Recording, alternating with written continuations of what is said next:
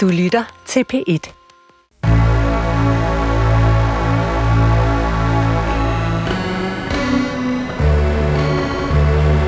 Du har ringet til Hemmeligheder på P1. Tak for din hemmelighed. Vi lover at passe godt på den. Min hemmelighed er, at jeg har snydt i skat ved at indberette kjoler til arbejde, som skal bruges til at danse natten lang. Velkommen til Hemmeligheder. Mit navn er Sanne Sigal Ben og jeg har netop afspillet den første hemmelighed for den telefonsvar, som altid har åben. Det eneste, I skal gøre, det er at ringe ind på 28 54 4000, og så skal I aflevere jeres hemmelighed til os. I kan også sende en besked, hvor vi kan gøre jeres skrift til lyd. Alder øh, er faktisk ofte noget, vi holder hemmeligt.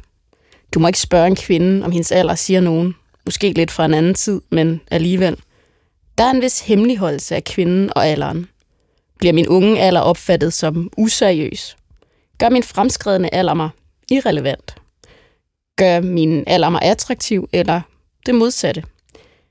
Alder er en underlig størrelse, og vi får faktisk ofte hemmeligheder ind, hvor alderen spiller, øh, spiller en stor rolle. Det kommer den også til i nogle af dagens hemmeligheder. Men først så vil jeg sige velkommen til dagens gæst, hvor alder er fuldstændig ligegyldigt at nævne. Velkommen til videnskabsjournalist, forfatter og ikke mindst biolog Lone Frank. Jamen, tak skal du have. Vi går i gang med en masse hemmeligheder fra folk, der har ringet øh, ind til en telefonsvarer. Mm. Ja. Mekanisk telefonsvarer. Hvad er dit sådan overordnede forhold til hemmeligheder? Åh, oh, jamen da jeg blev spurgt, om jeg ville være med, øh, og det her med, at jeg skulle tage en hemmelighed med, så satte jeg mig virkelig til at tænke, fordi jeg kan ikke helt, uh, altså jeg har ikke mange hemmeligheder. Det er jo, det er jo sådan set øh, meget af det, jeg har lavet, altså øh, bøger og det, jeg skriver osv. osv. Det er, øh, hvad skal man sige, hvor jeg bruger ting fra mit eget liv, også ting, som nogen vil sige var pinlige og forfærdelige, og du ved, psykiske sygdomme, og sorg og utroskab, og jeg ved ikke hvad. Altså, så hemmeligheder er ikke noget, jeg er god til at dyrke. Hvorfor tror du egentlig, at jeg føler, det er lidt et aktivt valg, man måske også har taget på et eller andet tidspunkt? Altså, jeg tror for mig, der er det bare sådan, at, at jeg kan ikke holde det inde. Altså, det, det er ikke særlig... Jeg, jeg, der er faktisk ikke ret mange sådan, øh, ting i mit liv, øh, hvor jeg vil sige, det her det er virkelig velovervejet, og det er noget, jeg sådan gør, fordi at... Øh, jeg må sige, jeg hengiver mig meget til, hvad, altså, hvad har jeg af, af trang til det ene eller det andet. Ikke? Og, og for eksempel det her med at, at fortælle øh, eller tale med folk om du ved, ting, der betyder noget for en, hvordan man har det osv. osv. Det har jeg bare, øh, øh det falder mig naturligt. Det vil falde mig meget unaturligt at skulle sidde og skjule alt muligt. Ja. Det er et meget vildt udgangspunkt, altså det her med ikke at have den store berøringsangst. Jeg tror også, det er det, der ja. øh, har fascineret mange ved, det der med, at du jo er videnskabsjournalist og funderet i videnskaben, ja. men faktisk altså har et, men, men også har et følelsesliv. Jeg tænker ikke, at de to ting ikke hører sammen, men Nej. det plejer ikke at høre sammen. Nej, jeg vil sige, det plejer ikke at høre sammen på den måde, at, at folk ligesom jo enten ofte stiller op som eksperter i noget, og så øh, rager deres personlige øh, verden ligesom ikke det, de taler om. Men, men i og med mit virke er det så kommet til at, at informere hinanden de to ting, vil man sige. Men det er også derfor, der er rigtig mange, der har glædet sig til, at du skal i programmet. Og øh, jeg synes, vi skal starte øh, med faktisk en lidt alders sådan beslægtet øh, hemmelighed. Mm. Hej, min hemmelighed er, at jeg lyver om, hvorfor min hud ser så stram ud. Jeg siger, at jeg bruger en meget dyr creme, men i virkeligheden er det hemorridecreme, min doktor udskriver, som jeg bruger til at holde min hud helt stram. Ja. Jeg kan godt lide, du siger. Ja. Men jeg kunne godt tænke mig, at, hvad det hedder, hun kunne jo godt have sagt, hvad den creme hed. Ja. Sådan set, fordi ellers så får man jo ikke meget ud af det. Man kan jo ikke bare gå til sin læge og sige hemorridecreme, fordi altså hvis det handler om de her for eksempel, øh, hvad det hedder, steroidcremer, som man kan bruge til, til hemorrider, så vil jeg godt nok ikke lige smøre dem i ansigtet. Altså, man får jo tynd hud af det. Så det, altså, hvis det er det, så vil jeg straks Se, sige, lad være med det. Allerede der vidste jeg, det var en god idé at invitere en videnskabsjournalist ind, fordi jeg tænkte jo, det her var jo for mig på nippet til public service, da jeg hørte det. Ja.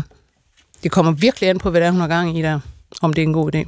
Men du tænker umiddelbart, at hvis man nu sagde, at hemorridecreme, det er steroidcreme, så kan mm. det jo måske faktisk godt hjælpe for noget. Altså, så kan der måske godt være en effekt, men det er bare måske ikke den mest hensigtsmæssige effekt. Jamen, der kan måske godt være en effekt, hvis du har et eller andet, altså det, det ligesom kan komme til at se sådan lidt, øh, øh, ja, puffet op ud, ikke? Altså, men det øh, ødelægger jo sådan set huden på sigt. Decideret. Ja, fordi det er jo enormt interessant, det der med, vi gør jo, vi har, det er jo alle mulige krumspring for at komme til at se Ja. yngre ud, strammere ud, alt det der. Og så kan man sige det med, at jeg bruger en dyr creme, og folk kaster jo øh, altså, tusind af kroner. Hvis man vidderligt bare kunne gå mm. ned til sin læge og sige, jeg vil gerne have noget. Jeg forstår heller ikke, der er mange ting, jeg gerne vil vide. Hvornår ja. man begyndt at smøre, smøre hemorridecreme i ansigtet? Altså, hvornår man ligesom tænkt, Den har jeg heller ikke hørt før, det Nej. må jeg sige. Altså, nu følger jeg så heller ikke lige det der, hvad skal man sige, øh, hudcremes øh, fix felt ret meget. Men altså, jeg vil da tro, nu vi er ved de der hemmeligheder. Jeg forventede nemlig, da, da du spillede den nu her, så Nå, men nu vil hun sige, at hun enten har fået en ansigtsløftning, eller du ved, at hun har fået fillers, eller sådan et eller andet. Det var simpelthen, øh, det var helt nede på meget, meget lavpraktisk. Ikke dyr creme, Præcis. hemorridecreme.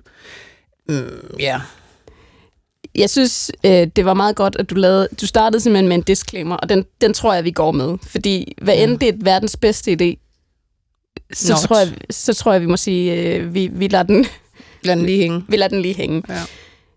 Og øhm, så tager vi en øh, hemmelighed mere, hvor ja. Ja. vi så har øh, hemmelighedsophavet med på telefon.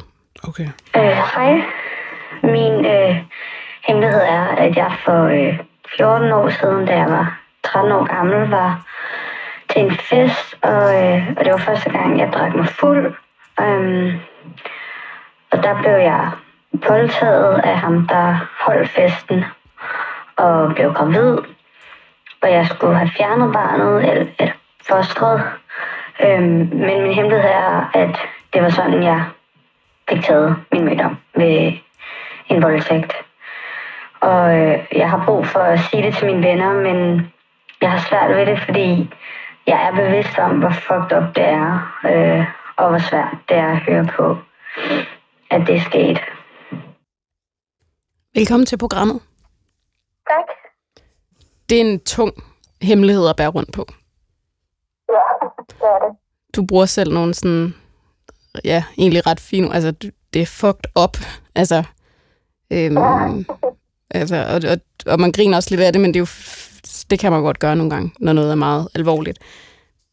Men jeg tænker, hvis vi alligevel skal starte et sted, så siger du, at hemmeligheden er, at din mødom blev taget til den fest. Er det rigtigt forstået, at det er en del af den hemmelighed?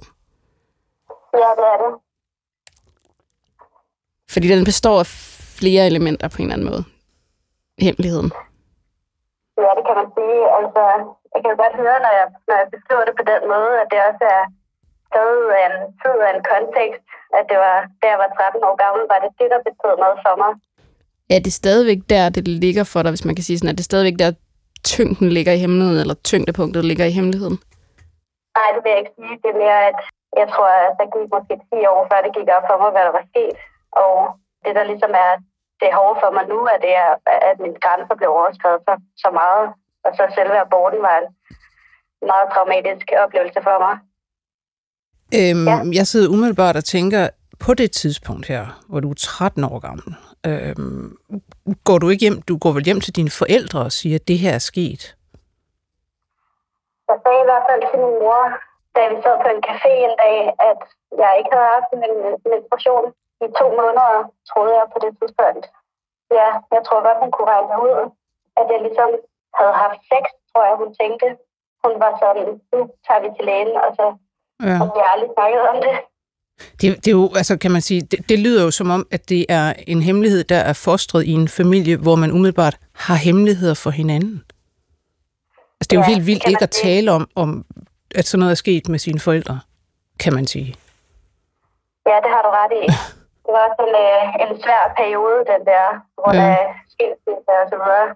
Det er jo mærkeligt, at din mor ikke spørger mere Ja. sådan til, jamen, hvad, hvad er der sket? Er det noget, vi skal tale om? Et eller andet, ikke? Ja, klart. Det har også været meget, øh, meget hårdt ikke at kunne det med Ja. ja. hende, fordi hun var med på hospitalet, Mm. mm. og hun er den eneste, der vidste det. Men jeg tror også, at det har været traumatisk for hende at se mig 13 år gammel, ikke der, Ja, at det har hun simpelthen ikke kunne. ja. Kan I tale om det i dag? Nej, det har vi i hvert fald ikke gjort.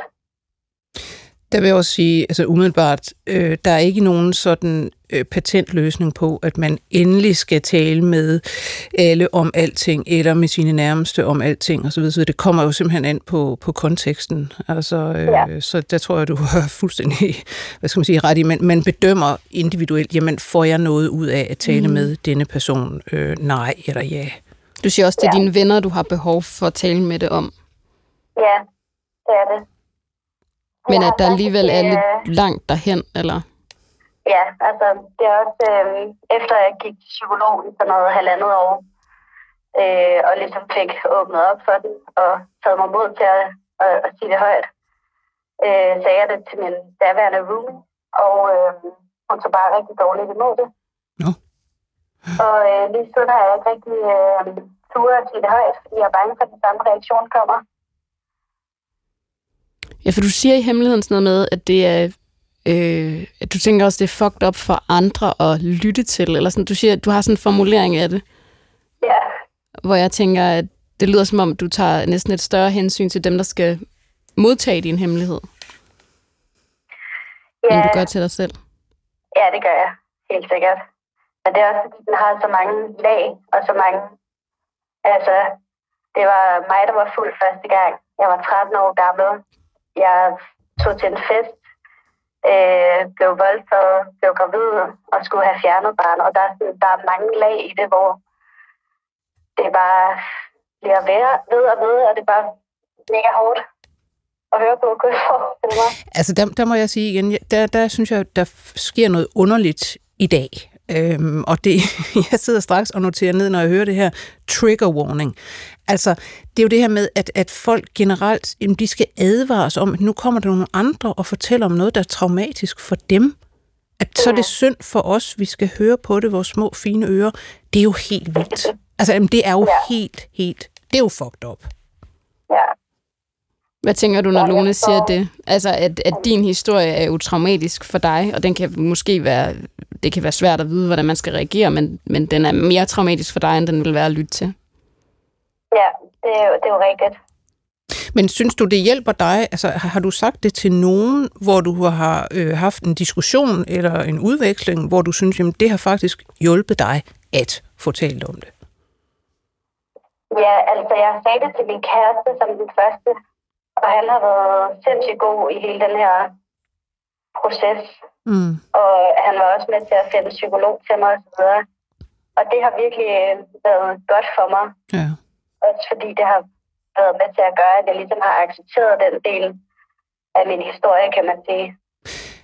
Ja, altså i det hele taget, så tror jeg faktisk, der er meget involveret af det her øh, selvaccept i, i mange af sådan nogle mere eller mindre traumatiske ting, der kan ske, særligt når man er ung, fordi man simpelthen ikke har tjek på en hel masse, og man kan komme ud for alt muligt, og pludselig bagefter ser man så, hov, der skete noget med mig, da mine grænser blev overskrevet i den ene eller den anden forstand. Og altså, øh, der tror jeg virkelig, at det er en god ting ikke at, at hænge fast i, ej hvor forfærdeligt, men netop komme til, at jamen, man accepterer, der kan ske ting for en, som man ikke selv er herre over. Og så handler det simpelthen om at komme så godt som muligt videre. Ja, det har du ret i. Min, min lyst til at skulle sige det højt til mine venner er også for at kunne komme tættere på dem. Mm, ja. Ja, man kan godt høre, at det er motivationen, det er, at der var en gang, men det er ikke nu, og du vil gerne videre i et andet liv. Altså, Ja. og der er måske nøglen at få det sagt til de der venner, og der tror jeg, altså, du skal tage Lone med i baghovedet og tænke, selvfølgelig kan det være, det kan være et svært rum at være i, når man skal sige det, men det er sværest for dig. Ja. Hvad vil du ønske, de gjorde, når du sad der over for dem? Hvordan vil du ønske, de tog imod det? Jeg ville ønske, at de bare lyttede, og at der ikke var noget, der ændrede sig for dem. At det bare var samme, og jeg bare var den samme. Ja, det er det der blikket. Du er lidt, altså når man siger noget, og folk kigger med, de, med nogle bestemte øjne. Ja. Ja. det er også øh, rart at blive bekræftet i, at det ikke er mig. Og selvom det er en total irrationel tanke, at, at jeg har noget med det at gøre, så er det bare rart at blive hørt og ikke at blive dømt. Men det hører man jo faktisk rigtig tit, når man taler om netop altså, både seksuelt overgreb, øh, altså andre former for også at børn, der er blevet tæsket osv., osv., at de ligesom har det som om, at jamen, det på en eller anden måde siger noget om dem, at der er noget galt med dem, og, og hver gang det handler om nogle andre, så kan vi jo sidde og blive fuldstændig enige om, nej, sådan er det jo ikke. Det var ikke din skyld. Men når det så lige er os selv, så får man altså stadigvæk den der fornemmelse. Den, ja, man kan bare sige, altså tænk, hvis det var nogen andre, så havde du heller ikke synes, at det var deres skyld. Nej. Så sådan kan du også sige til dig selv, det har ikke noget med dig at gøre. Nej, det er rigtigt. Men Det tak, fordi at du ville lade os komme ind i dit hoved. Ja, tak fordi jeg måtte. Altid. Det, var, er- det var en tung hemmelighed. det var en tung hemmelighed. Ja. Og det er, også frygt, det, det er jo frygteligt at øh, føle, at man skal holde sådan noget hemmeligt. I den ideelle verden, så vil det jo være sådan, at ens, for eksempel ens forældre og ens nærmeste omgangskreds ikke har det sådan, at de ikke kan se ud over deres egen lille næstip. Øh, men, men det er det jo nogle gange. Men jeg kom til at tænke på, øh, i forbindelse med det her med forældre, at Øh, nu starter du her med at sige, hvor, hvor, kan jeg vide, hvorfor sådan en som mig har det så hvad skal man sige, svært ved at holde ting tilbage, og så naturligt med at, at buse ud med ting. Og det er måske egentlig fordi, at jeg er opdraget i en familie, hvor man kunne tale om alt. Der var simpelthen ikke noget, der var tabu, eller som vi ikke kunne nævne, og sådan noget. Altså, og der blev talt om alt muligt, både, du ved, altså, f- sorte får i familien, altså fortid fra den ene og den anden, og altså, øhm, ja, ting og sager blev luftet efter min forældres skilsmisse, så hørte jeg fra dem begge to om, du ved, hvorfor det ene og hvorfor det andet, sådan hen ad, ad vejen, ikke? Så jeg tror måske, den der med at vokse op med, at øhm, du kan komme til os med alt, øh, er nok noget, der får en til måske at, og, altså, øh, vende sig væk fra hemmeligheder i nogen grad. Altså ikke at se, at der er nogen grund til at have dem. Rigtigt. Men altså efter et helt år på det her program, så vil sige, det er virkelig en sjælden familiekonstruktion. Ja. Altså at, at øh, jeg vil jo sige, at de fleste Mm.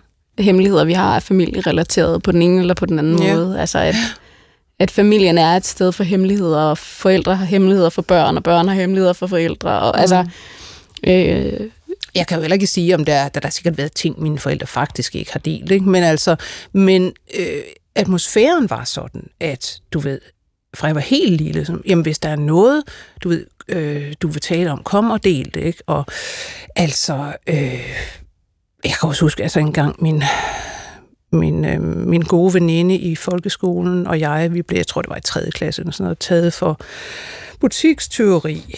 Ikke? Og, øh, en klassiker. Ja, ja. Og så ringer vi jo til min far, og han kommer styrtende og henter os, og, og sådan, altså, og, altså, vi har det jo ikke specielt godt, min veninde, hun sidder og græder der i bilen? Ej, hvad skal hun sige til sin mor, og sådan noget, og min far, han siger, ah, jeg vil også sige, det der var ikke godt. Altså, I sidder og, og stjæler viskelæder og sådan noget. Hvis det skulle være, så tag dog et stævnlæg.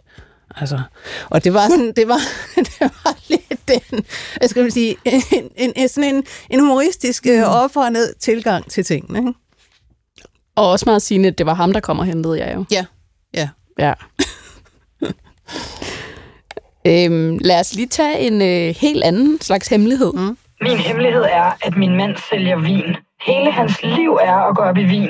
Vi har været gift i mange år, og jeg nænder ikke at sige til ham, at jeg faktisk ikke kan lide vin. Ha. Haha. mm. Ja. Altså, vi er, vi, der taler om et etableret par. Altså, det lyder som Ja. om, de har været... Det, det, det er et par, der har været gift eller været mm. sammen længe. Ja.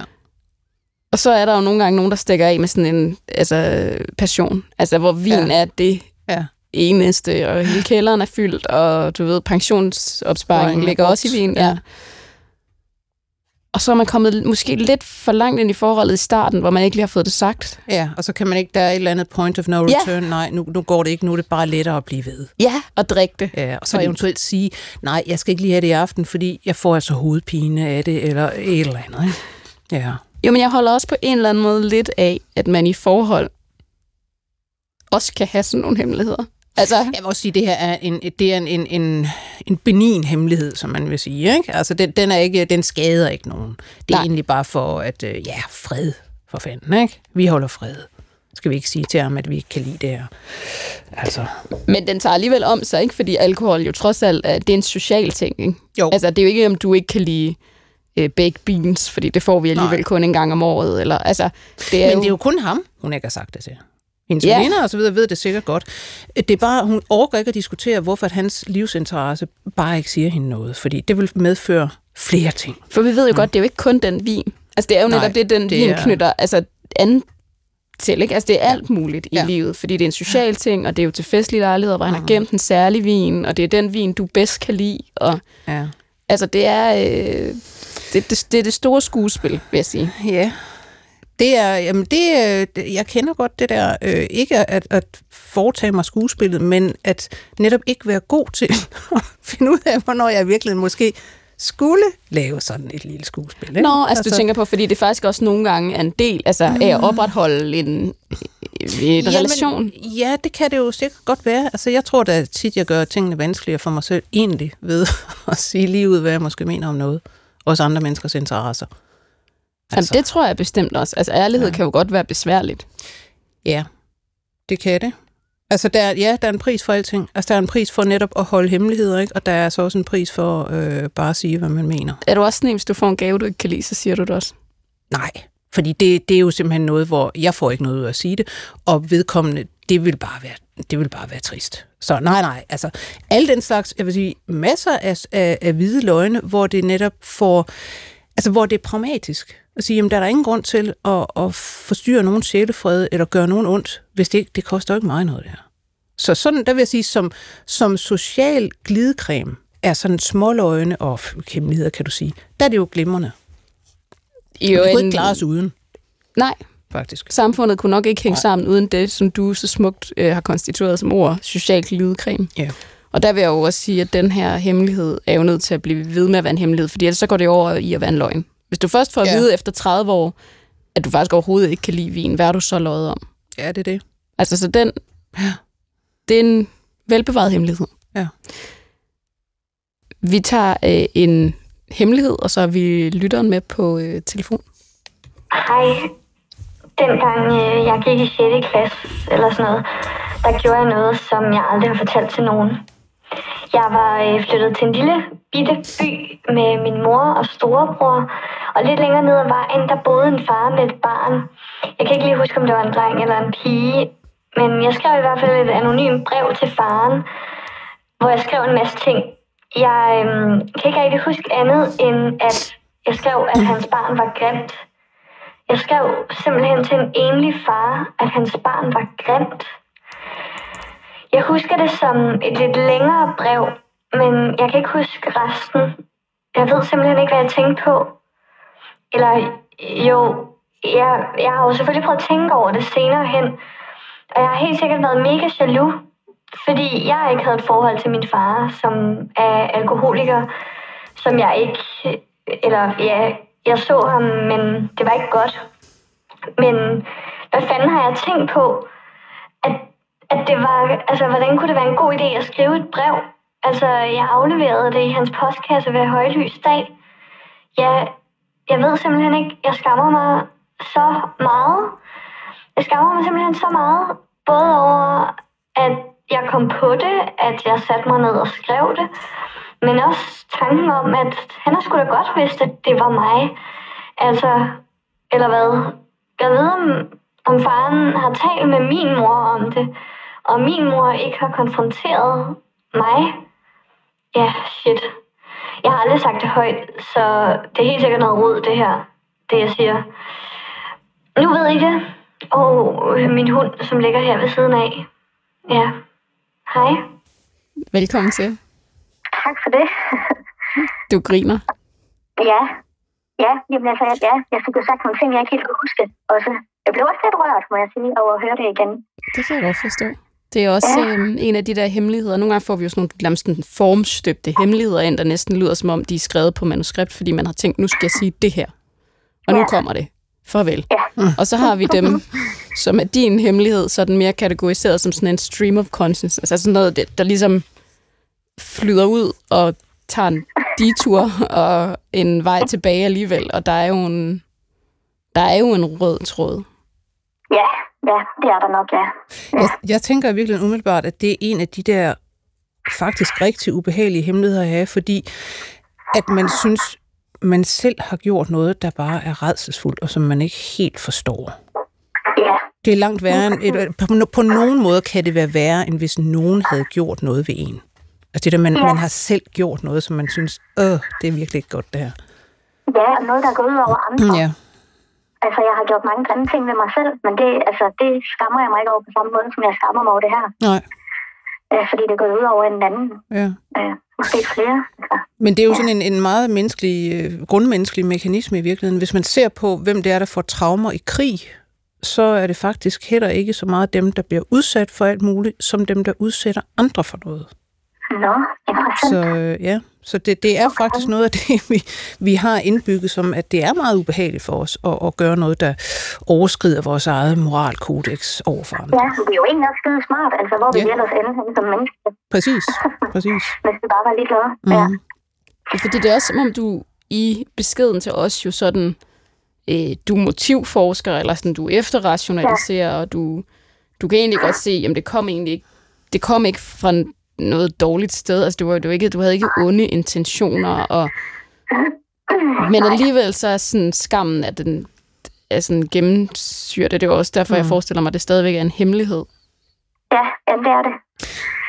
Altså, jeg, kommer, jeg, jeg kommer faktisk til at tænke på, øh, øh, hvad der hedder bogen Kongens Fald, øh, hvor hovedpersonen øh, på et tidspunkt, øh, hvad det hedder, Mikkel Thøresen der, han voldtager en kvinde, som ellers skulle have været gift med en anden. Han gør det ikke, altså fordi at han øh, gerne vil have hende, eller, men fordi der er en anden, han ikke kan få, og han vil gøre hende hers kæreste ondt. Og som der står i bogen, altså når han ikke kunne få den gode lykke selv, så ville han have den onde lykke. Og det er jo lidt det, vi alle sammen kender, altså når vi netop, vi hævner os over noget, eller vi gør nogen ondt, som vi er misundelige på. Ikke? Altså, og det her, det er jo ligesom været i det her tilfælde. Altså det er den der, den onde lykke, altså som man, man vil have. Ikke? Ja, åbenbart, ja. Ja. Det er også som om, det lyder som om, at du øh, næsten føler, at det der brev på en eller anden måde definerer, hvem du er som menneske. Altså selvom det er 100 år siden, og du var ikke særlig gammel, og du kendte ikke øh, altså, rigtig konsekvenserne. Er det, er det rigtigt lyttet til? Ja, det tror jeg, det er. Altså, det tror jeg. Jeg tror i hvert fald, at jeg har på en eller anden måde gemt det i mig. Øh, som sådan, øh, uh, uh, altså, ja, jeg har jo ikke taget fat i det overhovedet. Jeg har bare, lige så snart det poppet op i min hukommelse, så har jeg bare gemt det væk. Men jeg tror stadigvæk, at jeg har, at jeg har, mm, ja, jeg definerer mig selv på det. Altså, så prøvet ekstra meget ikke at være sådan et menneske udad til det. Altså en, der ikke kan under andre noget, og en, der... Jeg har prøvet at være overpositiv eller sådan. Ja. Men jeg har også analyseret lidt videre, efter jeg fik sagt det her højt. Mm. Altså, så er der virkelig sket noget i min hukommelse. Øhm, og jeg kan også, altså, jeg tror, min mor hun fik en ny kæreste på det tidspunkt, omkring på det tidspunkt, så hun forsvandt også lidt igen fra mig. Mm. Altså, sådan, så jeg tror også, der kan være et eller andet i det. Øh, at der bare... Ja, og så har jeg heller aldrig rigtig været, det har aldrig været tilladt for mig at have negative følelser, så jeg skulle altid være sådan glad og sådan noget. Så jeg tror også, der har været sådan noget undertrykt, noget som skulle ud Mm. af mig på en eller anden måde. Ja.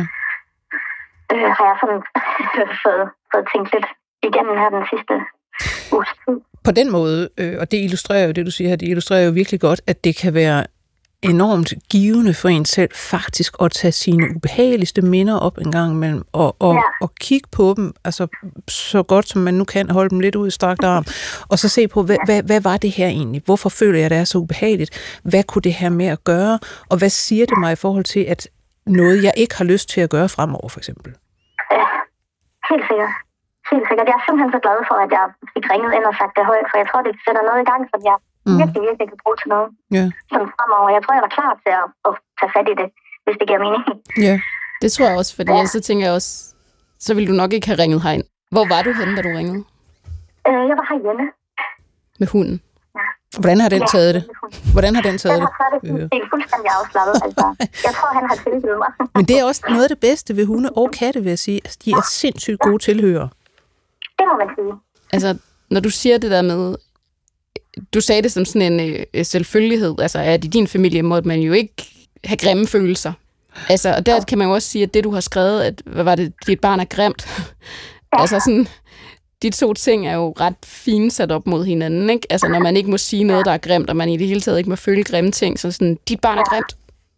Ja, er siger, siger jo også Ja, noget om, selvfølgelig, at, at man jo bare, altså vi er alle sammen øh, fyldt med negative impulser, nogen mere end andre, ikke? Altså, Ja, men, ja. men det her med, at man i nogle familier bliver, altså får det der fuldstændig undertrykt, og måske i andre familier øh, kan det næsten blive undertrykt, at man er positiv, ikke? Altså, at, at man, vi får alle sammen et eller andet med i den der familiedynamik, øh, som vi kan have godt af at, at kigge på senere. Hvorfor var det lige, at det her øh, måtte jeg ikke, eller og hvad er det blevet til i mit voksne liv, ikke?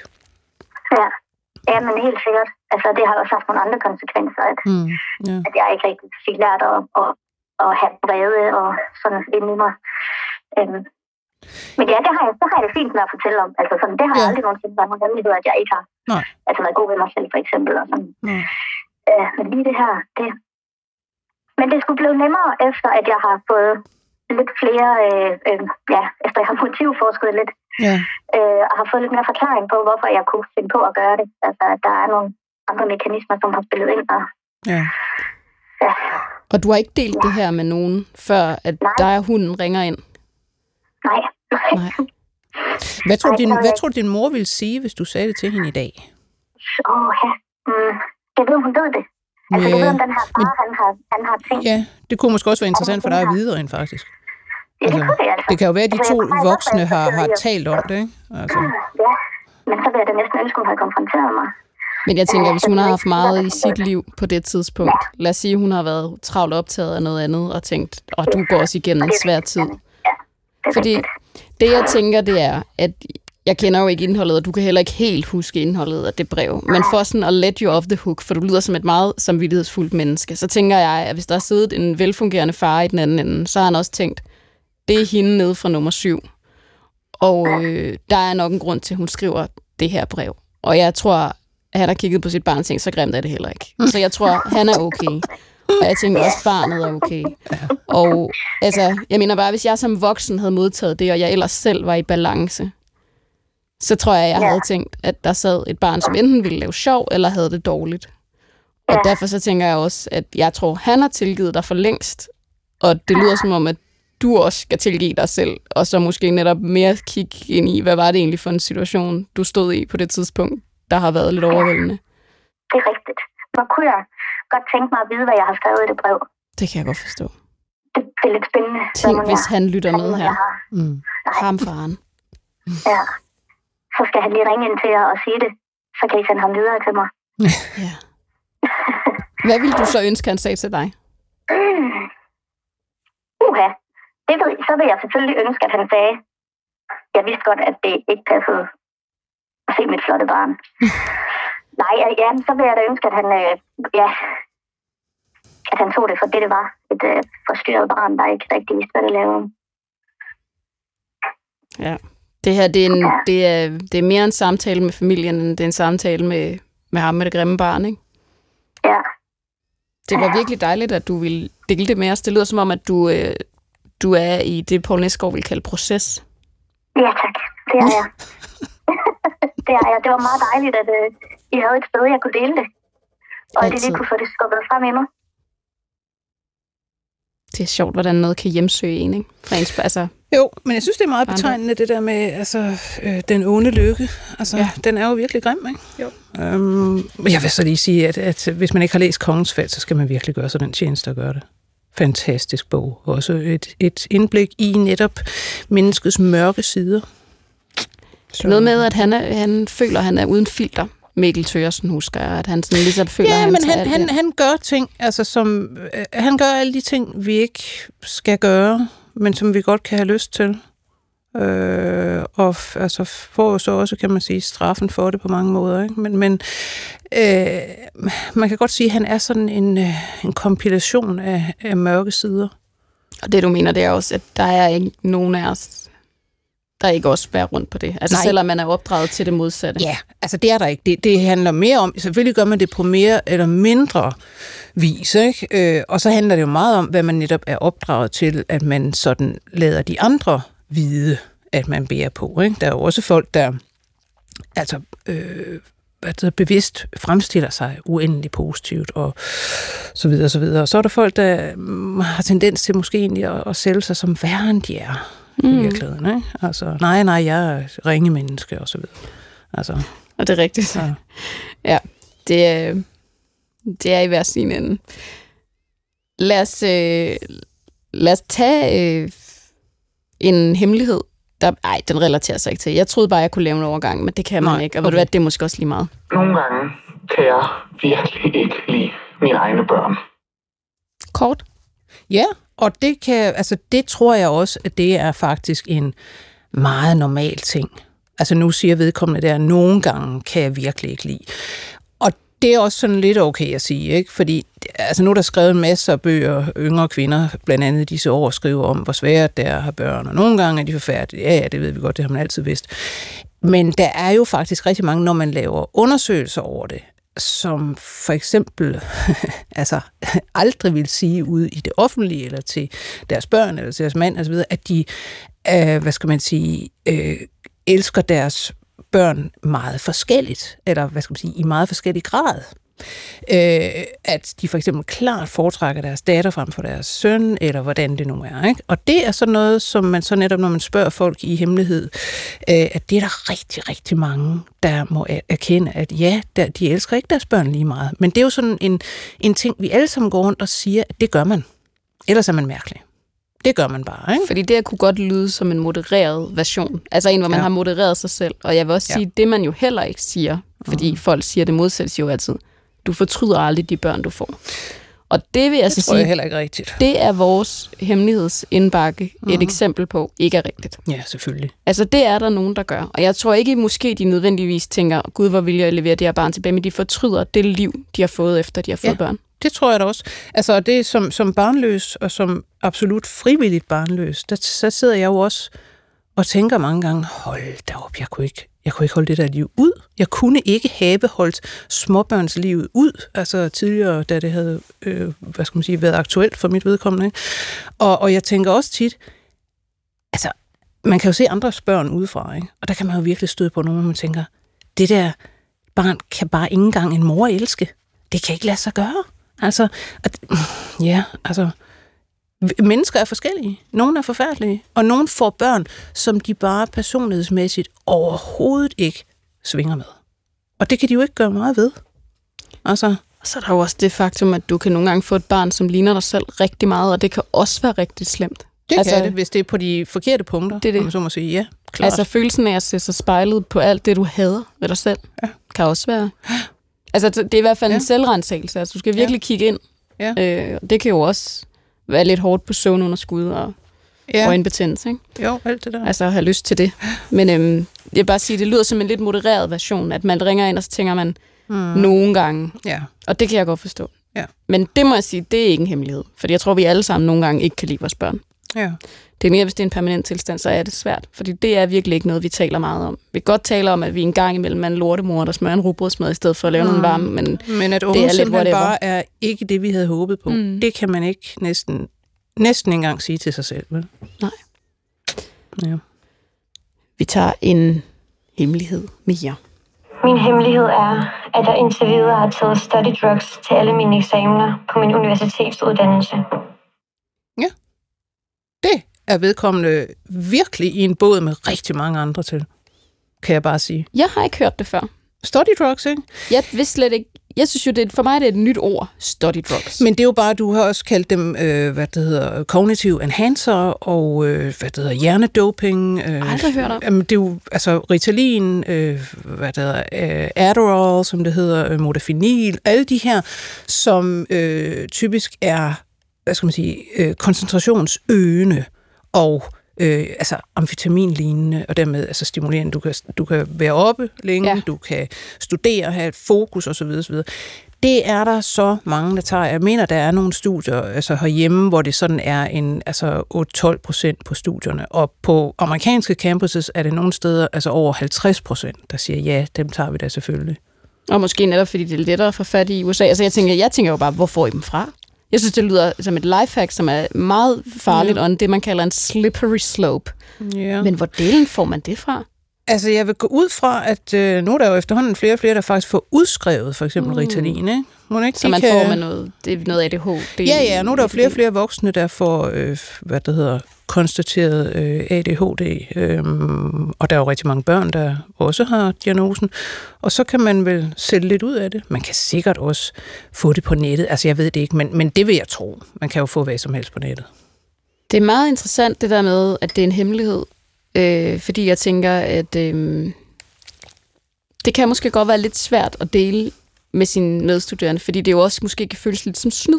Jamen, det, det kan man sagtens... Altså, det er jo ligesom, det er jo ligesom hvor mange siger, at de har hvad hedder, fået alle mulige skønhedsoperationer og dit, dat. Det siger de jo, at de ikke har. Det er bare tilfældigt, at de ser 20-åringer ud. Det er fordi, de har gode gener eller andet. Det samme her. Man har ikke lyst til at sige, ja, jeg tager altså masser af, hvad det hedder, drugs, for ellers så kan jeg sgu ikke koncentrere mig, så kan jeg ikke læse. Du fik 12 igen. Ja, Ja, ja, det er klart. Jeg tog jo Ritalin. ja præcis. Jamen, fordi det er sådan en shortcut, Ja. hvor man egentlig tænker sådan, jamen det er jo rigtigt, det, det, lyd, det, det klinger ikke lige så fedt at have fået 12, hvis du har taget Ritalin hele natten. Nej. Men study drugs, jeg kan godt lide, Mm. du tager det så op fra ned, fordi jeg havde, altså jeg har gået igennem universitetet åbenbart uden Ritalin, hvilket jeg da kan høre er Hvordan en synes du selv, det gik? Jamen, ja, præcis. Jamen, det, det, det ved jeg faktisk ikke helt, hvordan jeg egentlig synes, det gik. Men jeg vil da sige, at jeg kan da godt... Jeg kan jo godt se, sådan havde jeg det ikke selv, men jeg kan godt mm. se, at de der studerende føler sig ekstremt presset. Det er der rigtig mange, der gør. Det var der også dengang, jeg gik der. Og der sad de og byttede antidepressiver, følger med. Ja. Altså der var det sådan en, en lang kamp om, mm. øh, om, om studerende, der rent faktisk havde det ret dårligt. Ja. Øh, følte sig presset, øh, følte ikke, de var perfekte, øh, kunne ikke få 12 nok. Og, altså så, jeg kan jo godt genkende det der studiemiljø af, øh, mm. af virkelig pressede unge mennesker.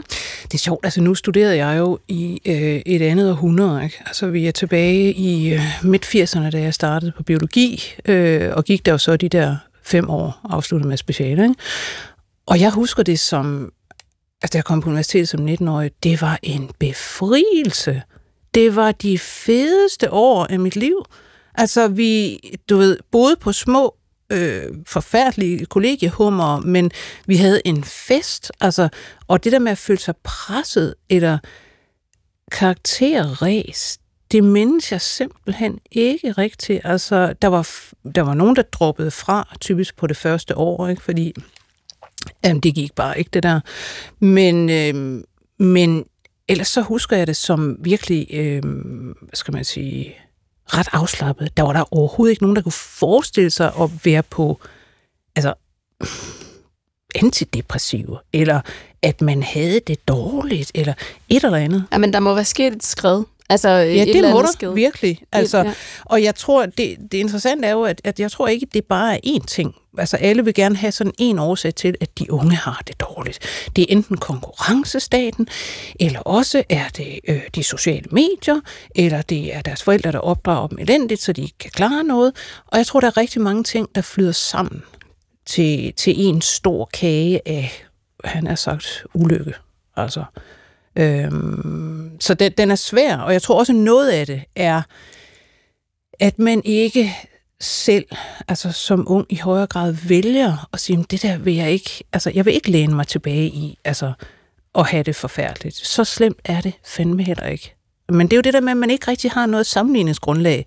Altså vi havde heller ikke, vi havde ikke fantastiske hvad det hedder, fremtidsudsigter med hensyn til, at vi kunne komme til at gøre hvad som helst. Når vi, der var arbejdsløshed, øh, hvad det hedder, da jeg studerede, ikke? altså ungdomsarbejdsløshed og alt muligt. Og vi, vi kom jo ikke altså, på udveksling til udlandet, ligesom de gør til højre og venstre i dag, altså, og så videre, så videre. Så man kan sige, øh, man kunne godt prøve at kigge på sin situation i dag, og virkelig se på, jamen, er det her så slemt? Altså, og det der med, får jeg nu 12, eller ikke i det hele, er det nu så skide vigtigt? Det er ikke sikkert, at det faktisk er det for det, man gerne vil senere i livet. Og så handler det altså om mere at blive livsduelig, end at du ved, gå helt ned over, at man skal bare have 12 i alt. For livet er, er langt, og man kan ikke, man kan ikke forudse, øh, hvor det går hen af. Man kan sådan set kun øh, forsøge at blive så, hvad skal man sige, så stærk selv som muligt, øh, indoptage så meget viden og så meget, hvad skal man sige, altså også modstandskraft og, og, robusthed i forhold til, at der vil altid komme stød fra livet og fra samfundet. Der kommer ikke nogen at redde os. Det gør der ikke. Altså, øh, vi, vi skal selv kunne i ret høj grad, og det kan vi også. Altså, vi er lavet til det. Mennesker er fra naturens hånd ret robuste. Prøv lige at se, hvad der sker i Ukraine. Altså, folk overlever det. Folk øh, tager en uddannelse dernede. De, øh, altså, se på, hvordan det er at leve i Afrika. Altså, og så sammenligne med os, og så lidt ro på i forhold til, så slemt har vi det ikke. Men jeg kunne mærke, nu har du studeret i 80'erne, og jeg har studeret i nullerne. Mm. Og det, der faktisk var den vildeste sådan opdagelse for mig, det var, at det, som jeg elskede ved universitetet, det var friheden. Mm. Ja, Det var første gang, jeg følte friheden. Men det, jeg kunne se nogen medstuderende knække på, Det kunne slet ikke have det. det var friheden. Men det er også en Vi meget, meget institutionaliseret interessant ting. grad, Ja, som ikke kan klare den frihed. Det er også øh, det, man hører fra mange, der underviser på, på universiteterne, det er, at de siger, at der er jo sket det der med, at før i tiden var det studerende, der kom ind. Det vil sige, at du er studerende, du øh, har ansvar for selv at studere. Nej, det der kommer i dag, det er elever. Ikke? Det er dem, der kommer lige fra folkeskolen og derefter gymnasiet, og de tror stadigvæk, at der er nogen, der skal sige, du skal lave det her til i morgen, og ikke det der, så skal du gøre sådan og sådan. Nej, du er der selv. Der er et pensum, der bliver udleveret. Der er nogle bøger, du køber. Du møder op til nogle øvelser, hvis det er det. Forelæsninger. Og så må du selv finde ud af det. Værsgo. Og det var der stressen for nogen for alvor satte. Og der tror jeg, at det er, har også noget at gøre med, at opdragelse er skide vigtig. Hvis du er opdraget til, at der er hele tiden nogen, der fortæller dig, hvad du skal gøre. Hvis du ikke gør det, så kommer de og redder din røv, om det så er forældre, eller bedsteforældre, eller lærer, eller hvad det er. Det er ikke en god ting. Altså, Og således kom man faktisk hele vejen rundt om studielivet ja. på study Bare, drugs. ja, lige præcis. Bare ved at få nogle study drugs. Lad os øh, tage nok den sidste hemmelighed for i dag, inden øh, du fortæller os en lille hemmelighed. Jeg er sekretær, når folk ringer, vurderer jeg, hvem jeg bedst kan lide. Og ud fra den vurdering giver dem sider, jeg synes, de fortjener. Altså, jeg er sekretær, og når folk ringer, og det kender vi jo, når folk gør, man kan ringe på mange måder, så øh, vurderer den her person altså, hvilke tider dem, der ringer ind, fortjener. Mm-hmm. Og det er jo en fordom, jeg har haft før. Altså, altså, er det Tid. tider hos en læge, eller hvad snakker vi om? Jeg ved ikke, hvilken slags sekretær. Nej, fordi... Altså... Det kunne jo godt lyde som... Det lyder i hvert fald som et, tid, et sted, hvor man booker tid. Ja. Mhm. Ja. Den er ikke rar, synes jeg ikke. Altså, jeg vil sige, det er en Øh. fordom, jeg har haft, og undskyld til de sekretærer, der sidder derude, men jeg har da tit en fornemmelse af, at det handler også om, hvordan man ringer. Ja. Hvilken attitude har man, når man ringer? Kan man lige blive skubbet ind mellem 11 og 12? Kan man lige rykke rundt på frokostpausen? Det kommer også lidt an på, hvor venlig man er Mm. i telefonen. Ja.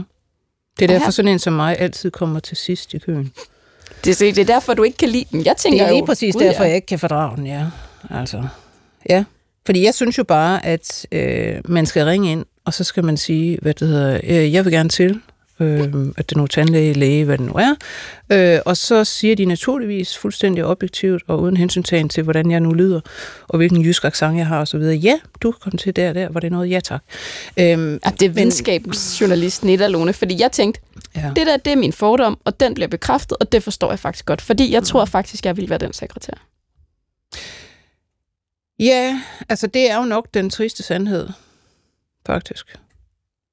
Det er jeg også, øh, det er jeg også sikker på. Altså jeg kan også tit forbande mig selv for netop at være så... Altså jeg er ude af stand til at sliske. Altså når jeg ringer til IT-afdelingen på mit job, så kan jeg bare, så snart jeg siger mit navn, så kan jeg bare høre det der store suk, der lyder, åh oh, nej, åh oh, nej. Øh, og øh, det er også hver gang, jeg kan ikke holde mit raseri tilbage. Jeg kan simpelthen ikke, vel? Altså fordi det er så røvsygt, det IT-system, vi sidder med. Ikke? Og jeg kan ikke forstå, at ledelsen ikke kan sådan, sådan, sådan, sådan, og så får den stakkels IT-mand hele det der batteri, øh, og så har jeg ligesom Der har han sat dig på mute. Altså, der skal, der skal, du, der skal du bare tænke, det kan du bare komme af med, og han skal nok, mm. du ved, han ja. laver ting ved siden af. Ja. Men det vil sige, når du ringer ned til sådan noget, hvor du egentlig gerne måske vil have en tid, ja. eller en, lad os sige, en lægesekretær eller en tandlæge, eller, mm. så tænker du ikke lige, øhm, hvis jeg er ekstra sød, så altså, kommer jamen, jeg, jeg ind her. Jeg kan, nej, og jeg kan godt prøve at være det, men, men det virker bare ikke.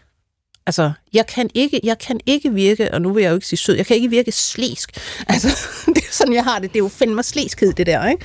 Altså, øh, du tænker heller ikke, at der er nogen, der står og spytter i din mad ned i dine pomfritter, når du bestiller, er, er, og er ikke særlig rar? Nej, men jeg, det er jo ikke sådan, at jeg øh, hvad skal man sige, normalt ikke er særlig rar. Det, det er mere det, at jeg ikke sådan er, øh, du ved, gør vold på mig selv for at være ekstra sød og slæsk. Men så kan jeg godt forestille mig, at ja, det er der sikkert nogen, der gør, eller de, for dem er det ikke vold, for dem er det bare sådan en performance af sødhed. Og så kommer de først i køen. Det er så også okay, fint. Whatever. ja, men på den måde, så har vi... Det, på den måde var den hemmelighed faktisk lavet lidt til dig, og det vidste jeg slet ikke. Men vi har nemlig haft en hemmelighed i programmet på et tidspunkt, hvor Øh, jeg kan ikke helt huske, hvordan det var, med noget med nogen, der spyttede i maden. Oj, oj, oj. Øh, oj, oj, hvis de havde, ja. det var en tjener eller sådan noget, øh, oh. hvis de havde en kunde, der ikke var... Og, og der, der havde gæstene, men det var hendes værste frygt, så derfor så var hun oh, ekstremt sød over for alle, der kom med mad ind, fordi hun var så ja. bange for, at de ville gøre det. Ja. Så hun havde nemlig den der, som du siger, nærmest den der performative, mm. altså sådan over sød, fordi hun var så angst for, at de ville gøre det. Øhm, men ja, mm det er, det er jo en, også en, det er jo en arbejdshemmelighed. Sådan en sekretærhemmelighed. En yeah. lille arbejdshemmelighed. Yeah. Vi er faktisk nået til et tidspunkt i programmet, hvor vi ikke har flere hemmeligheder. Mm. Og, men hvor du har taget en med, men du har svært ved at tage en med, fordi du faktisk, og det har du jo også, altså, yeah. det lyd, nu er jeg ved at sige hovedstolen, men du har jo lavet en masse projekter, der har været meget dig. Ja, altså, men det er jo også, fordi jeg ikke, jeg ikke ser det som hemmeligheder, de ja. der ting. Ikke? Altså, og det kan jo godt, altså, vores tærskel for, hvad der øh, hvad vi mener bør være en hemmelighed i vores liv, kan jo være meget, meget forskellig. Ja. Det er jo det. Altså, og jeg tror bare, at min tærskel er meget, øh, hvad skal man sige, meget høj. Altså, der skal virkelig meget tilføre det sådan en, en decideret hemmelighed. Jamen, vores tærskler er jo øhm, forskellige. Smertetærskler, ja. vores ja, ja. hemmelighedstærskler. Ja. ja. Altså, øh, jamen, og jeg skulle virkelig råde for at finde et eller andet, hvad har jeg, nogen, altså, hvor jeg ikke har fortalt nogen det overhovedet. Og det, og det er sådan, altså, det, det vil slet ikke lyde som, altså, noget overhovedet. Men når jeg tænker tilbage, altså min første, min første sådan alvorlige øh, forelskelse, det var faktisk i min kusines kæreste, kan jeg huske. Og det var også, da jeg var, jeg tror lige var blevet 13 år, og hun var fire år ældre. Øh, og jeg var på besøg hos mine to kusiner og min onkel og tante den der sommer, og, og var det her lille bitte, altså meget lille, tynde, usle barn på 13 år og, og kusinen på, altså har været 17 eller sådan noget, ikke? Og, og havde sin nye fancy kæreste der. Og jeg kan huske, jeg var bare sådan helt forblændet. Fuldstændig. Og jeg gjorde alt for hele tiden at sidde og tale med den der kæreste. Og det har været fuldstændig utåligt for de der to, tror jeg. Altså, øh, og du ved, bryde ind i alting og, og mase mig frem og skulle endelig være sådan, du ved, altså med i samtalen, ikke? De har jo og, godt vidst, hvad der foregik, helt sikkert. Ikke? Altså, de har godt kunnet se. Sikkert. Altså, det, jo, det må de jo næsten Men jeg har altid troet, at det, øj, det var der heldigvis ingen, der vidste. Åh, var det pinligt, ikke? Altså, Men du husker øh, den sommer jo. Altså. Ja, det skal jeg love for. Og der gik der jo virkelig, der gik faktisk rigtig, rigtig mange år, til jeg så blev sådan, altså, kan man sige, voksen forelsket og, og fik mig en kæreste. Ja, okay, så der går, der går lang tid fra, at du ligesom prøver den der følelse af at tænke, ja. at sommerfuglen er og, Fuldstændig. Den her, og jeg sætter altså, mig herhen og kan ikke lade være. Øh, jeg var helt væk. Altså, øhm, og så går der faktisk, jeg tror, det er, jeg vil, jeg tror, jeg, jamen, jeg er 21, da jeg sådan, altså, forelsker mig sådan første gang og får en kæreste. Så det er jo helt vildt mange år. Der er der en lang spring? Men så fik jeg læst en masse bøger jo. Altså. Så. det gjorde der jo så godt på alle mulige andre måder. Jamen, det gjorde det sådan set. Altså, jeg vil sige, jeg er altid øhm, lidt rystet, når jeg, når jeg hører, hvor, hvor unge folk var da de sådan gik i gang med dels altså forelskelser og hvad det hedder, sex og så videre, så videre. Tænker, hold da op, når jeg tænker på mig selv som sådan en teenager der, det var jeg bare overhovedet ikke gearet til, eller interesseret i. Eller... Nej, og den forelskelse, du havde, den, at det var det, det der med at sidde tæt på. Det var virkelig eller? sådan en barnecrush. Ja. Altså, øhm, Men du prøvede at holde det lidt hemmeligt for dem, ja, altså ja, omkring ja, jeg, jeg har aldrig sagt til nogen. Altså, sagde det heller ikke til mine forældre. Altså, jeg synes bare, ej, det kunne jo ikke passe det her. Det var, altså, det var, mm, nej. Ah, det var virkelig, ja, mystisk, ikke? Øh, ja. og det er meget sødt. Altså, Ja, altså, ja, ja, det, det er det jo sådan netop i, i, i bagklogskaben. Ikke? Og det siger jo også noget om, at vi kan have hemmeligheder på tidspunkter i vores liv, hvor det føles som, nej, hvor er det er pinligt, ikke? Altså, og så senere, så ser man på det, og så sidder man sådan og smiler af sig selv, ikke? Hold det op. Øh, og det kan man jo lære noget af, fordi det, man så sidder med i dag som hemmeligheder, måske er det også noget, man om bare nogle få år vil se tilbage på, som det skulle du da ikke have holdt hemmeligt. Så på den måde er det altid godt om at tjekke sine fortidige hemmeligheder op mod det, man har i dag, og sige, husk nu, at efter en tid, så føles det slet ikke nødvendigt at holde tingene hemmeligt. lad os øh, runde af der. Mm. Og tak. Således opmuntret. Således opmuntret. Ja. Og tak fordi, at øh, ja, du delte den hemmelighed, og tak fordi du var med til at lytte til alle lytternes Jamen, øh, det var interessant og lærerigt. Og tak fordi I lytter med derude.